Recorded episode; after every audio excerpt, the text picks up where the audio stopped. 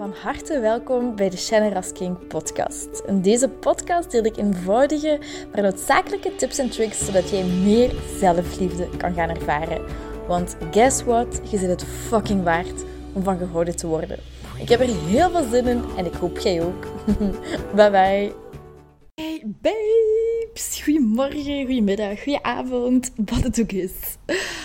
Oh, ik ben zo excited om deze podcast te delen en al deze info te delen. Want het heeft mij vandaag gewoon alweer zo hard geholpen. En dit is iets wat de rest van mijn leven gaat helpen. En als je dit toepast, ook voor de rest van uw leven. En ik was gisteren, wat ik nu ga delen voor een deel was ik gisteren ook ehm, in mijn presentatie aan het maken voor module 1 van Relatie Next Level. En daar is gewoon zo goede shizzle. Dat is echt uh, crazy. Uh, maar alleszins, ik was daar gisteren aan het, uh, aan, het, aan het teachen en alles vorm aan het geven, zodat alles ook gestructureerd en duidelijk is. En deze ochtend heb ik het zelf nogmaals toegepast en de kracht daarvan ervaren. Heel veel bla bla bla, alleszins. Nu besef ik, ik ben er gewoon super enthousiast over. En wat ik eigenlijk wil zeggen, wat ik deze ochtend ook op Instagram een korte post heb gedaan,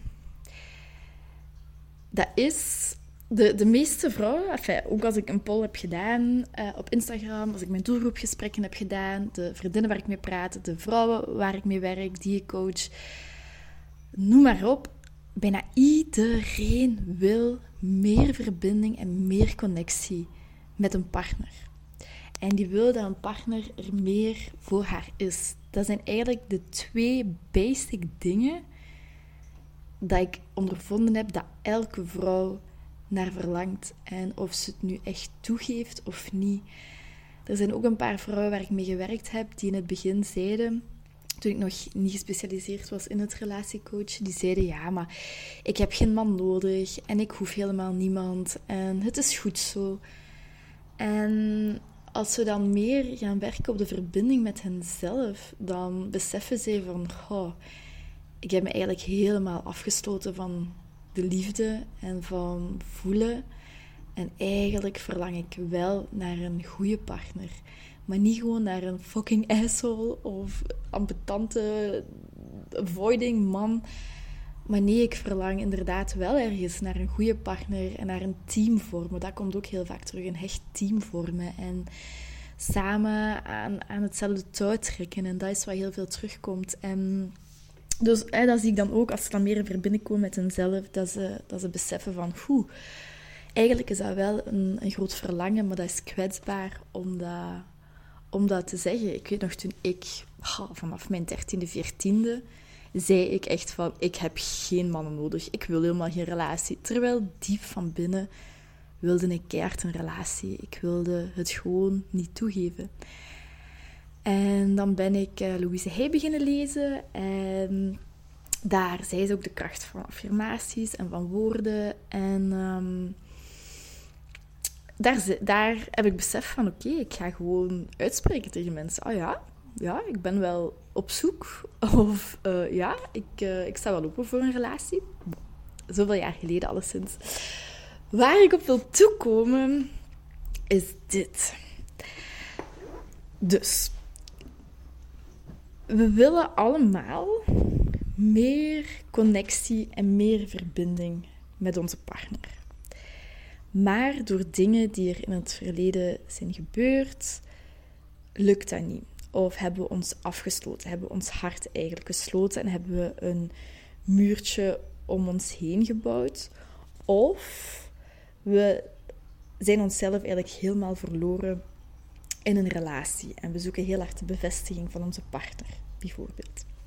Dus we willen we willen meer verbinding en connectie, maar beide kanten, dus hè, een, zowel een pleaser zijn als zeggen: Ik heb eigenlijk geen man nodig, ook al zit je in een relatie, ik kan alles zelf en uh, ik heb niemand nodig, ik ben een onafhankelijke vrouw, ik doe alles zelf. Um, en je bouwt een muur op, waardoor verbinding en connectie, waar we eigenlijk zo hard naar verlangen, niet mogelijk is. En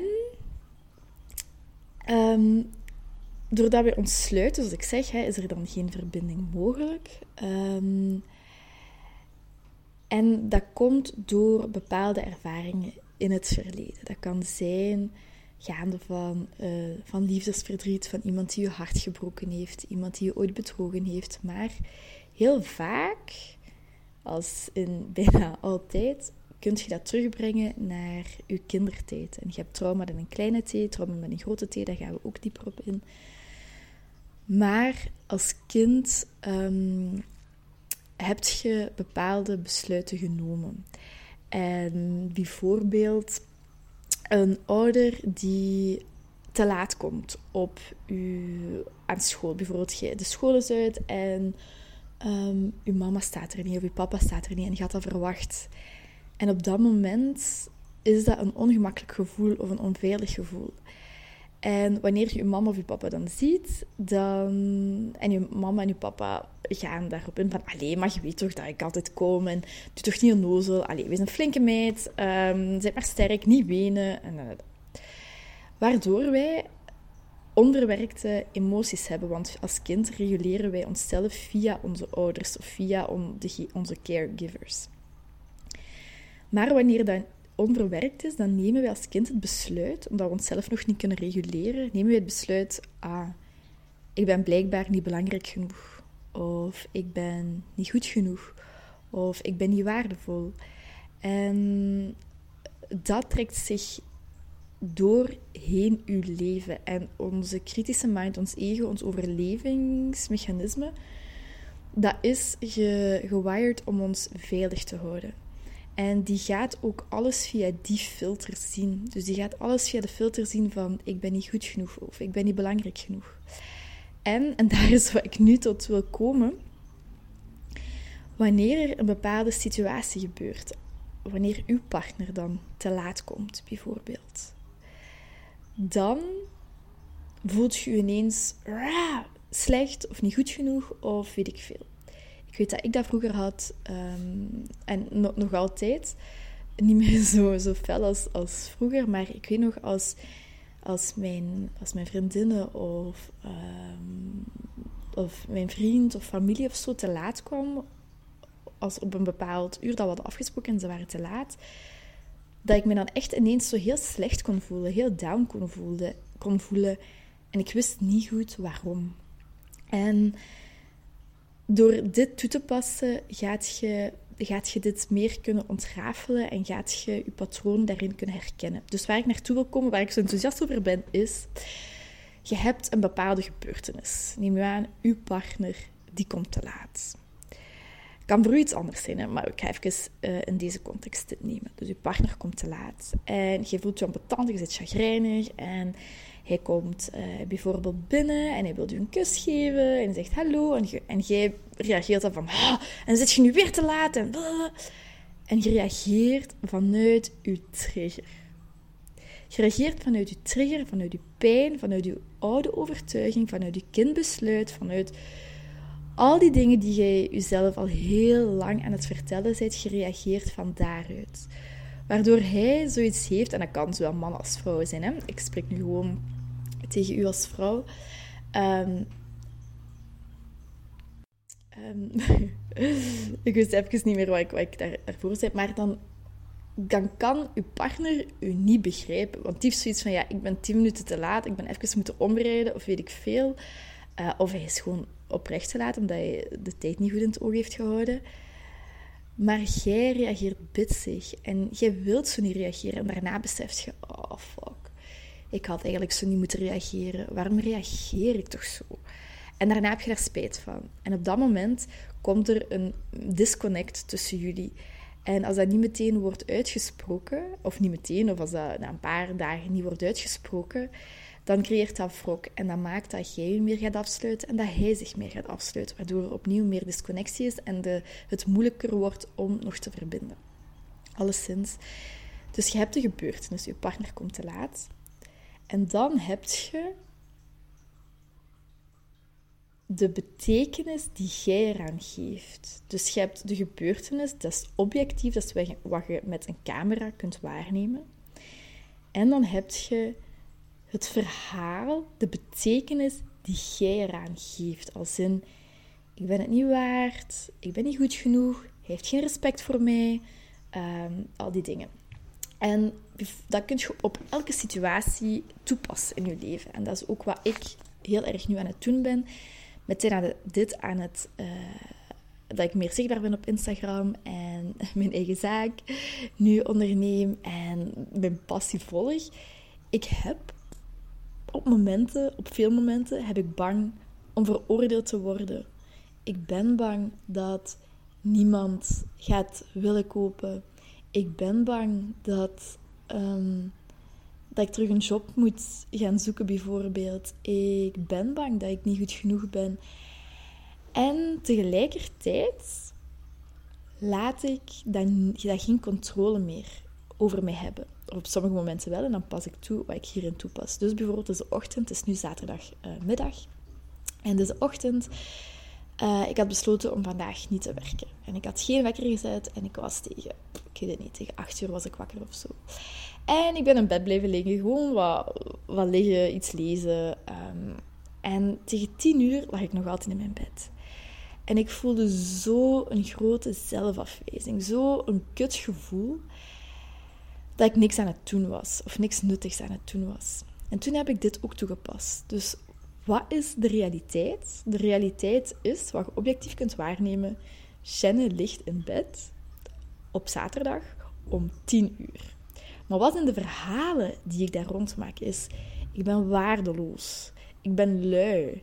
Ik ben, ik ben uh, niet goed genoeg. Um, ik kan niks. Dus die hele grote zelfcriticus die in mijn mind de hele tijd opkwam.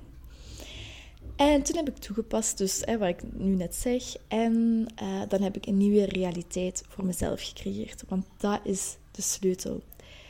De sleutel is niet om uh, die gedachten niet meer te hebben, maar om die gedachten geen controle meer over u te laten hebben. U terug in kracht zetten, u terug in controle in controle zetten. En wanneer je de gebeurtenis kunt loskoppelen van je betekenis, dan heb je de vrijheid om niet meer te reageren vanuit een trigger, vanuit een patroon, wat, daar, wat daarbij zorgt voor disconnectie. Maar dan heb je de vrijheid om te reageren vanuit liefde en zodat er verbinding kan ontstaan. En een praktisch voorbeeld met Jonathan was, hij was te laat. Uh, of nee, volgens mij was hij zelfs niet te laat. Hij was op tijd, maar uh, ik zag hem uit mijn raam. Zag ik hem parkeren en hij bleef nog, ik weet niet, vijf of tien minuten in zijn auto zitten. En ik zag hem op zijn gsm bezig en zo. Maar ik was heel blij om hem te zien en ik was er maar aan het wachten. En dat voelde zo echt als the waiting game. En ik had echt zoiets van, maar dude, je zit hier nu, we hebben elkaar vijf dagen niet gezien, kun je niet gewoon naar boven komen. En mijn trier ging af van, ja, ik zal niet belangrijk zijn en hij zal met anderen aan het sturen zijn en zo die dingen. Maar ik besefte dat en ik pas toe. Um, en ik vraag, hè, komt hier dan en, en kan, ik kan vanuit liefde reageren. En ik zeg tegen hem, ja, ik zie u in de auto zitten. Wat, wat, wat, maakt dat jij nu nog 15 minuten in de auto zit, terwijl, terwijl je hier zit? En toen zei hij, en dat vond ik dan zo mooi, dan ben ik zo dankbaar dat ik dat gevraagd heb. Toen zei hij, ja, als ik bij u binnenkom, dan wil ik volledig present zijn. Dan wil ik volledig aanwezig zijn. En ik wil mij geen, niet meer druk moeten maken over mensen die mij gestuurd hebben. Dus ik bekijk mijn WhatsApp, ik bekijk mijn, weet ik veel, Instagram, wat is het allemaal. Um, ik beantwoord wat ik wil beantwoorden en dan is dat uit mijn hoofd en dan kan ik volledig aanwezig bij u zijn. Dus mijn verhaal dat ik maakte van ik ben niet belangrijk, hij geeft niet om mij, hij wil mij niet zien, is net eigenlijk heel het tegenovergestelde.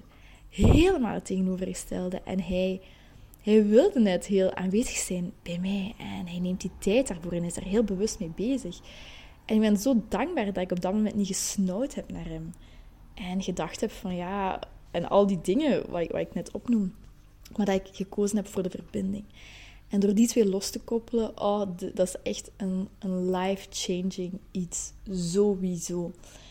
Um, dus voilà, dat is wat ik, wat ik wilde delen in een relatie next level. Gaan we leren hoe je dat kunt doen. Want eigenlijk is dat helemaal niet zo moeilijk. Maar dan gaan we leren hoe, hoe, hoe, hoe, hoe je dat kunt doen. En oh, dit is echt, echt, echt life-changing. Um, als je zoiets hebt van, oh, ik wil dat wel, of ik ben er nieuwsgierig naar, stuur mij zeker een berichtje op Instagram. Of geef me feedback over wat je van deze aflevering um, vond, of wat je er hebt uitgehaald. Ik hoor het altijd heel graag. En um, dan ga ik het bij deze laten.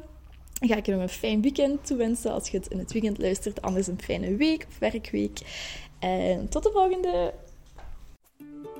Heel erg bedankt om deze aflevering van de Generous King podcast te beluisteren. Mijn doel is om zoveel mogelijk liefde in de wereld te brengen en ik hoop dat je dat met dit een beetje gevoeld hebt. Um, als je dat gevoeld hebt, stuur mij een DM, tag me in je story dat je dit geluisterd hebt en ik zie heel graag je reactie tegemoet komen. Ik wens je heel veel liefs en nog heel veel liefde en plezier toe.